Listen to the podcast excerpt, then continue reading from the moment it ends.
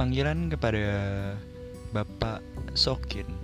Bapak Sokin ditunggu di lobi barat. Eh, kok jadi announcer mall? Ini channel podcast gua. Halo guys, perkenalkan nama gue Leo.